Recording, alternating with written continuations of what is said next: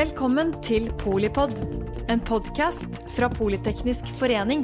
Et kunnskapsbasert medlemsnettverk for bærekraftig teknologi og samfunnsutvikling.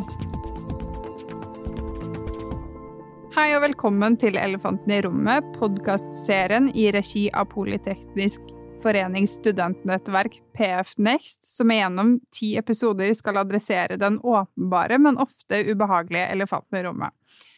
Her skal vi snakke om hva som burde snakkes mer om i det offentlige rom, ved å invitere nye og utfordrende stemmer.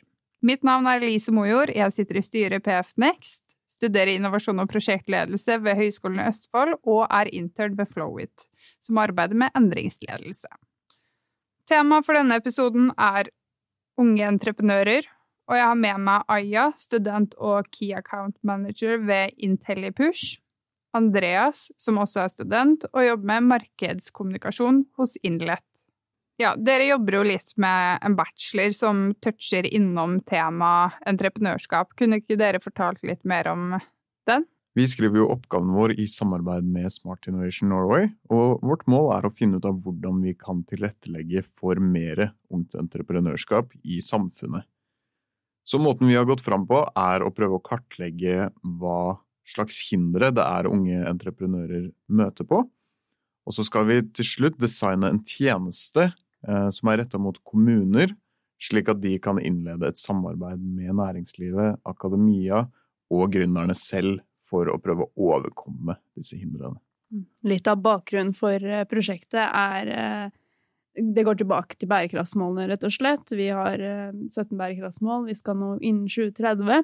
Og et av argumentene til Smart Innovation Norway for satsingen på unge gründere er det faktum at det er de som skal leve i og lede samfunnet vårt videre.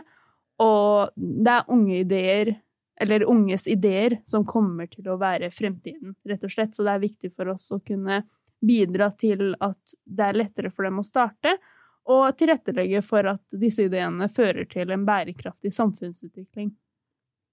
Spennende. Uh, det er jo sikkert mange som tenker og lurer litt på hva, hva vi legger i entreprenørskap. Hva, hva legger dere i det? Mm. Akkurat det har vi på en måte sett litt på og lest så mye om, for det er ikke én allmenn godkjent eller ja, hva skal jeg si, en fast definisjon på hva entreprenørskap er. Men konsensusen er på en måte en person eller en aktør som tar nye ideer eller nye prosesser og starte bedrifter basert på det. For meg personlig så ser jeg på entreprenørskap som et mindset eller en livsstil hvor man som person har en interesse og brenner for å skape noe nytt og se det komme til live, og helst se det vokse, da. Mm. Og det jeg er inne på der, går jo tilbake til Schumpeter tidlig på 1900-tallet, når vi først er inne på definisjoner og sånt. da. Eh, og han argumenterte for viktigheten av såkalte entreprenører for eh, verdiskapning i samfunnet, rett og slett. Mm. Så der er den ene siden av argumentet, og den andre er rett og slett at det er de unge som skal eh, arve planeten, og derfor burde de inkluderes. Veldig godt sagt. Ja, takk. Kanskje en liten klisjé, men eh, det er helt sant. Mm. Ja, veldig, veldig bra beskrevet definisjon, som jeg absolutt kan kjenne meg igjen i selv. Uh, ser også på entreprenørskap som som et mindset uh, overfor kanskje verktøy og metoder, da. Mm.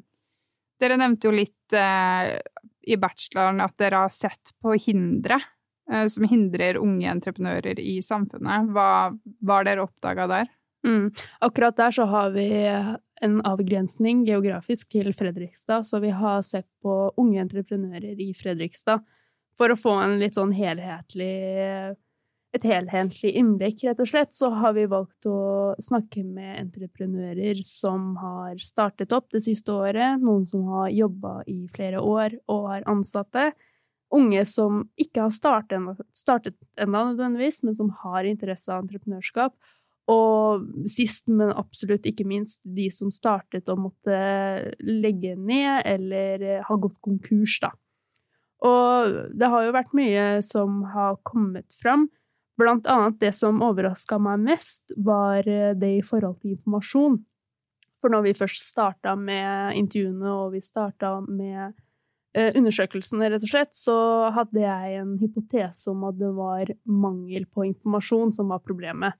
Det viste seg at informasjon var et av hindrene, men det er nok ikke mangel på informasjon.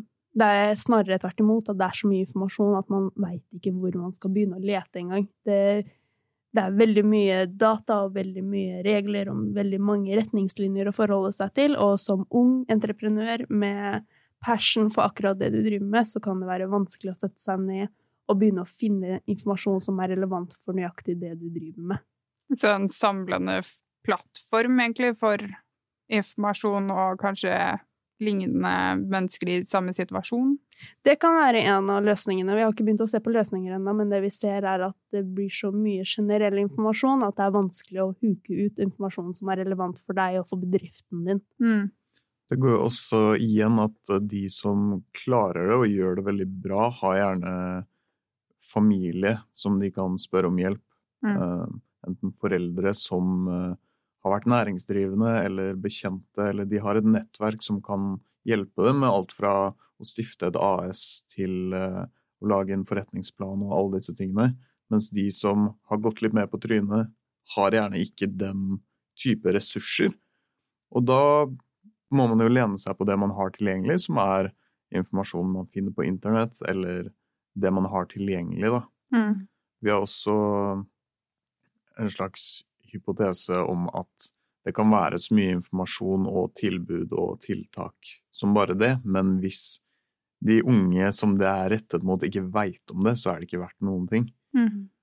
Og det har vi også erfart i en del av intervjuene, at eh, selv her i byen, i Fredrikstad, hvor vi har mange ressurser, vi har eksempel Drivhuset eller Blender Collective, som eh, tilbyr masse ressurser, så er det mange som ikke vet om det i det hele tatt. Selv de som er i målgruppa og er interesserte og ser på seg selv som kommende gründere. Mm, det kan hende de er klar over at de tilbudene eksisterer, eller at de aktørene eksisterer, men de vet ikke nødvendigvis hva de kan hjelpe dem med. Mm. Jeg kan jo for så vidt kjenne meg igjen i det, fordi når jeg begynte å søke på skole og liksom så at innovasjon og prosjektledelse driver med entreprenørskap, så tenkte jeg sånn I første klasse var jeg bare Jeg kunne aldri starta noe for, for, meg selv i det hele tatt. Jeg var kjemperedd og tenkte at jeg har ikke verktøyene, metodene, ingenting som Eller informasjon som kan bidra for at jeg skal kunne starte noe. Nå etter å liksom ha gjort den reisen med studentbedrift eller andre selskaper, så merker jeg jo selv at det, det, krever egentlig ikke så mye så lenge du har en idé og finner de rette folka, men når du ikke har tilgang på de folka, så Eller kompetansen. Mm. Eller informasjonen, så hjelper det ikke. Nei, ikke sant. Så er det noe i forhold Altså, når det kommer tilbake til informasjonen, da, så er det veldig mye av informasjonen man skulle trodd vi hadde tilgang på i en tidlig alder gjennom skolesystemet, for eksempel, som viser seg å være totalt fraværende. Og det gjelder for så vidt ikke bare entreprenørskap, men det gjelder grunnleggende informasjon, si eksempel økonomi, personlig økonomi, skatt, skatteregler uh, Denne type informasjon som ikke bare entreprenører har uh, behov for, men egentlig alle sammen. Mm. Jeg tenker jo litt at skolesystemet på en måte Vi snakka jo i begynnelsen om at entreprenørskap, sånn som vi erkjenner det som, så er det et mindset. Så det jeg Mitt forhold til skole er at, eller i hvert fall offentlig skole, jeg har jo selv gått på privat og på en måte ikke opplevd akkurat det andre opplever, eller beskriver at de har opplevd, men at skolesystemet faktisk avlærer deg den viktige egenskapen til å kunne lære, som er så Mm. essensielt i både entreprenørskap, men også andre steder som du tok opp, da, for eksempel personlig økonomi videre. Vi snakker om det å få hele tiden få den feedbacken og være glad for å få den feedbacken og lære av det, men vi har blitt avlært til at feedback er negativt. Der eller er blitt lært til at feedback er negativt. Mm, der er du jo inne på det Carol Dweck skriver om i Growth Mindset, hvor skolesystemet er lagt opp litt til at man har insentiver til å unngå feil. Ikke sant? Og det ser man f.eks. ved karaktersetting, Mm. hvor eh, den klassiske varianten er du tar en prøve eller skriver en innlevering, leverer det inn, og så blir du karaktersatt på det som eh, eh, har blitt levert. Og da vil du selvsagt unngå en dårlig karakter, men du har ingen insentiver for å um, ville ha kritikk eller konstruktiv feedback. Mm. Um, Men det opplever jeg altså at har kommet mer og mer, da. Eh, eksempel de siste årene jeg gikk på videregående, så begynte vi å få mer sånn eh, en struktur hvor du kunne levere inn noe, få feedback, skrive det på nytt, eh, levere det inn på nytt. Mm. Og ha en litt mer sånn iterativ prosess som blir mer en læringsprosess enn kun pugge, pugge, pugge, innlevering, og så bedømming. Bedømming eller bedømmelse, for å si det sånn. Mm, ja, for den, det, jeg deler jo for så vidt samme erfaring med at vi For det første så var det ikke alt jeg så verdien av på skolen, og det er kanskje ikke så populært å si, men det er mye som jeg måtte pugge, altså, og da mener jeg pugge og ikke lære, for å ta en prøve. Og etter at den prøven var tatt, så glemte jeg alt av informasjonen, og når resultatene kom tilbake, så så jeg ikke på hva det var jeg hadde gjort feil, eller på tilbakemeldingene på feilene. Jeg så på karakterene, la prøven ned i sekken og tenkte aldri på det igjen. Så det tilrettelegger ikke for at lære er feil. Det, hele poenget er å på en måte lære informasjonen du trenger å kunne, til det tidspunktet du trenger å kunne det på, og gå videre med Altså uten å ha fått noe særlig igjen for det. Det gjelder jo kanskje ikke alle fag, men veldig mange fagene så opplevde jeg det at jeg tvingte meg selv til å kunne informasjon kun for å altså skrive det ned på en prøve. Og det er jo en form Jeg klarte det, men det er jo ikke alle som klarer det. Og skolesystemet er ikke tilpassa de som ikke klarer å sette seg ned og pugge en 30 sider på en dag. Mm. Jeg merker jo selv, altså Som ung entreprenør så ser jeg jo at jeg har mer nytte av samfunnsfag enn algebra og geometri, liksom. Mm. Geometri, mener jeg. Nå er vi jo litt inne på hvordan vi blir forma av kulturen vi er i, da. Og det Det går på flere ting enn kun det vi lærer på skolen, men også hva vi blir oppfordra til og anbefalt. Mm. Og selv i dag så er standardvarianten er få gode karakterer og få deg en god jobb. Mm. Og eh, ofte, eh, selv på dette punktet, så blir jeg anbefalt av mennesker nær meg og i nettverket mitt som sier hold deg til en jobb eller en ansettelse, og ikke ta den store risikoen da, ved å gå ut på egen hånd. Mm. Og det er ikke bare risiko for eh, en bedriftsoppstart, men også risiko for deg som privatperson om du velger å drive ditt eget. Mm, Det handler om Nav-støtte og dagpenger og slike ting, om det skulle blitt behov for det. Der står du kanskje mer utsatt som entreprenør enn du gjør som ansatt. Mm. Ja, ikke minst, men altså regjeringen og samfunnet har jo lagt opp til at det ikke skal lønne seg å investere. De skal jo Du, du må bety... Du må betale så mye skatt for å investere i startups eller andre selskaper. Det er altså Skulle jeg investert i ditt selskap, så hadde jo jeg stilt meg spørsmål litt flere ganger om det her er lønnsomt, fordi jeg må skatte så mye av eventuelt overskudd, da. Ja, absolutt. Eh, Norge er veldig retta mot eh, trygge investeringer som eiendom, hvor eh, overskuddskapital gjerne går mot eiendom. Og det er kanskje en del av den norske folkesjelen, at vi søker trygghet på mange måter. Og jeg er helt enig i det du sier, at skattesystemet vårt er ikke De har ikke lagt opp insentiver til verdiskapning i form av oppstartsselskaper. Eh, Sånn som opsjons... eh, for opsjoner, eh, opsjoner i oppstartsselskaper og skatten på det, har blitt mye bedre i de siste årene, men det er ikke helt på plass enda. Tidligere, jeg tror det var før 2018 at det kom nye regler, så ble gevinst på en opsjon det ble skatta som lønn. Oi. Um, og gjerne ved ved kjøpet. Så det vil si ikke realisering av gevinsten, men idet du kjøper um, opsjonen med eventuell verdigevinst, så er du da uh, skatteskyldig, holdt jeg på å si, Mm. i, som lønn. Det har blitt fiksa nå. Eh, Nå er det omgjort til en kapitalskatt, men fremdeles så må du eie det som privatperson. Det vil si at eh, du vil måtte skatte det med en gang, mens hvis vi kunne hatt det i en holdingstruktur eksempel, så kunne det gått til videre verdiskapning Mm. med en gang. Um, og det skaper litt rare insentiver for gründere og investorer.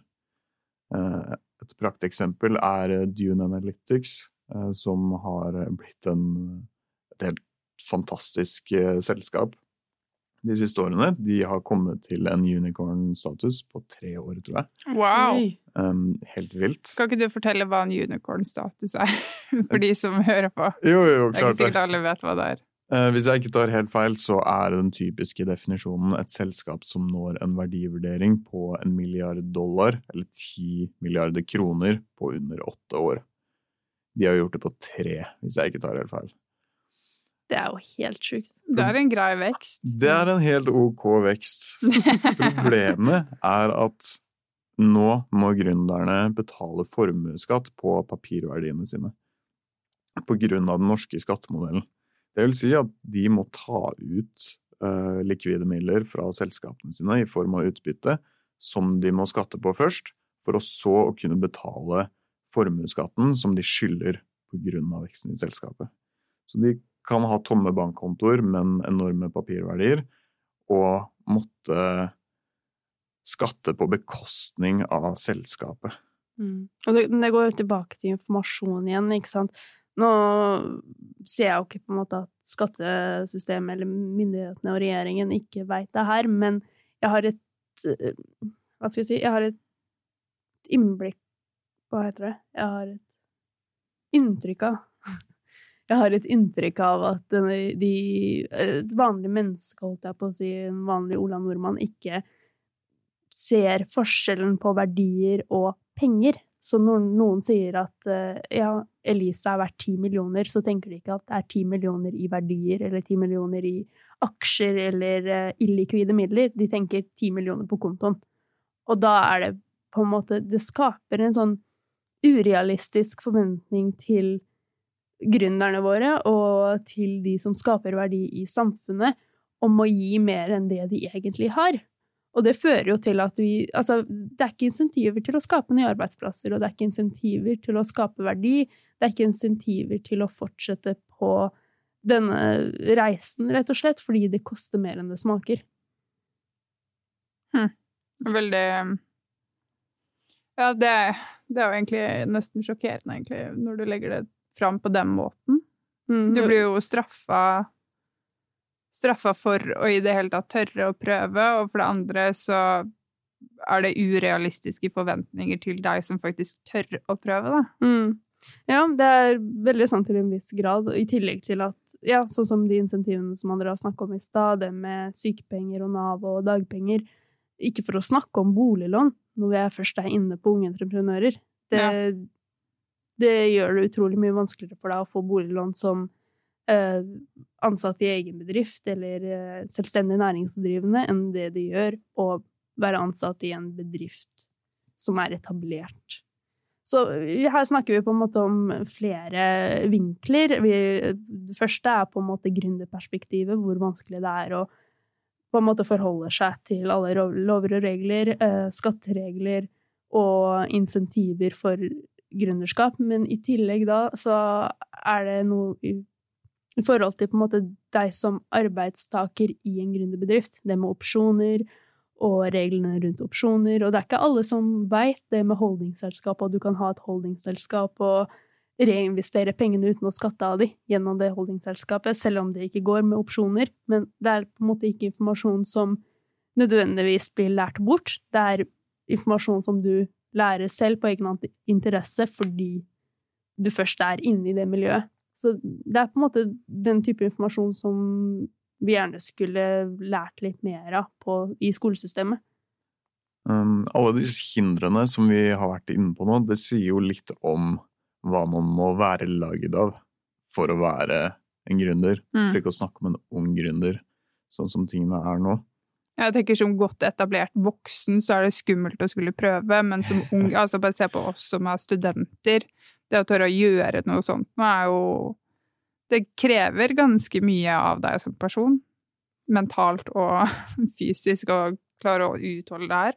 Mm. Helt klart. Og det som går igjen, eh, både i intervjuene vi har gjort, eh, samtalene vi har hatt, og kanskje også som en selvfølge, er at det kommer mye stress med gründertilværelsen. Eh, Og stress er kanskje undervurdert av veldig mange som en veldig sterk helsefaktor. Eh, Blant annet aldring og egentlig samtlige sykdomsforløp kan eh, påskyndes av høye stressnivåer. Noe vi kanskje ikke snakker nok om. Mm. Og det er en av baksidene ved eh, entreprenørskapsreisen, er at det er fryktelig stressende. eh, påkrevende eh, mentalt, eh, fysisk. Vi har diskutert litt tidligere angående Jeg har ikke noe forskning å referere til, men det siste jeg kan huske å ha lest om den saken, er at selvmord er et betydelig problem blant gründere. Det, jeg leste faktisk på det her for ikke så lenge siden. Det var en undersøkelse gjort av MD Edge Psychiatry, som Forbes refererer til i en artikkel fra 2018, som viser at eh, følelsen av Altså, det å føle seg Det å føle at man sitter fast, the feeling of being trapped, som de skriver, er en av indikasjonene, eller en av årsakene, kall det, for selvmord. Og hvem er det som ofte føler seg fast, sittende fast? Hvem er det, altså, kombinert med høyere stressnivåer og Ja, du kombinerer det med å føle seg eh, stående fast med fare for ydmykelse og høyere stressnivåer og uforutsigbare hverdager. Det, det, det kan på en måte føre i mye større grad til altså ja, selvmords, at selvmordsraten blant disse går opp, da. Nå er det jo på en måte litt sånn forskjellen på causation og correlation, som vi kaller det. Det er ikke en, noe spesifikk data på det, men den miksen her, da, det hadde ikke vært så veldig rart om det førte til så alvorlige konsekvenser som selvmord.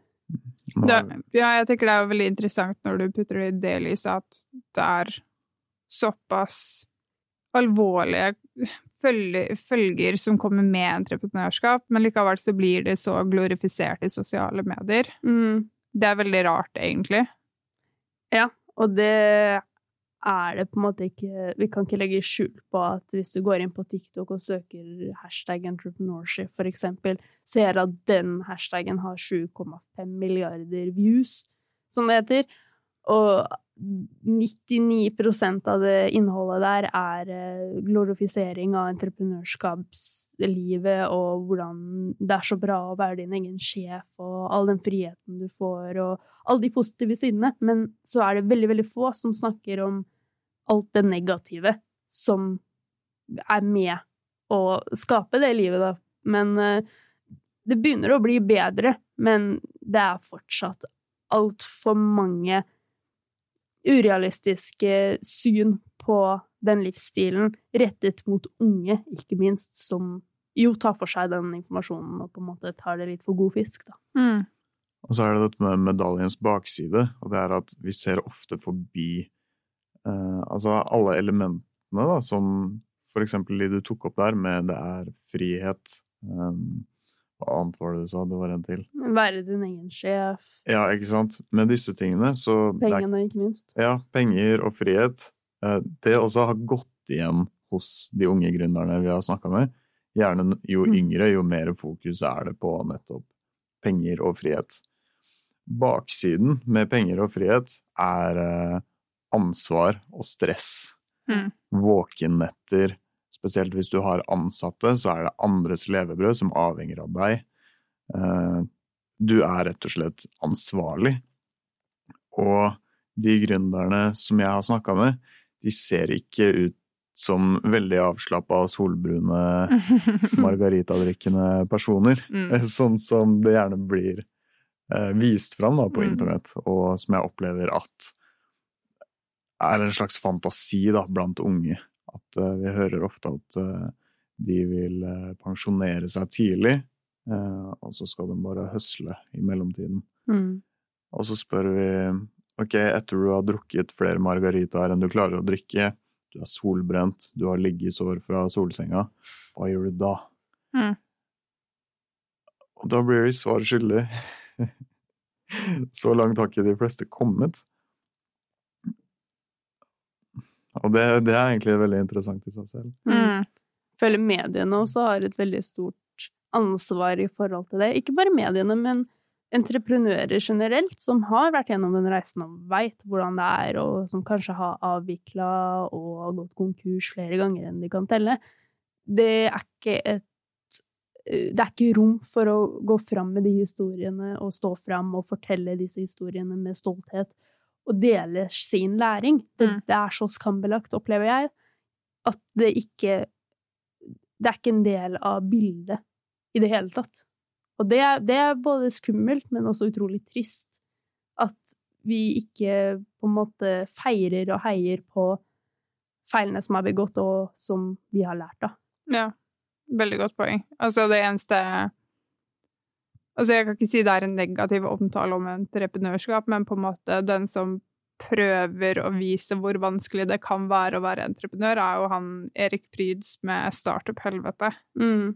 Han prøver å få frem at det er, det er ikke så lett som mediene får det til, og jeg tror også sosiale medier og ikke minst aviser og den type ting har et større ansvar for å dekke eller få frem litt de andre negative sidene, eller ikke negative sidene heller, men bare få frem at det er Alle Har ikke den millionideen som slår igjennom. Mm. Men altså, man ser jo det når avisene skriver om entreprenører. Han eller hun klarte, klarte det.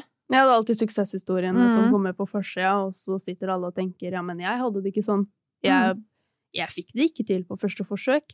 Og det går igjen på flere fronter. Jeg ser for eksempel på LinkedIn så har det vært veldig populært i det siste med og jeg la ut tre innlegg og fikk 20 000 eh, altså views og Ja, det funker noen ganger, men hvis du skal motivere noen til å faktisk ta det ekstra streget og gjøre noe de ønsker å gjøre, så må vi være litt realistiske på forventningene, og vi må være realistiske på at det, ikke kan, kanskje ikke skjer med en gang, men at det krever arbeid, og det krever at du er stabil med det du gjør, og fortsetter å gjøre det du ønsker, på en måte, altså tar ett steg av gangen, og fortsetter å ta det steget fram til du er i mål. At det ikke bare er ett hopp, og så er du på ti millioner eh, kroner i omsetning.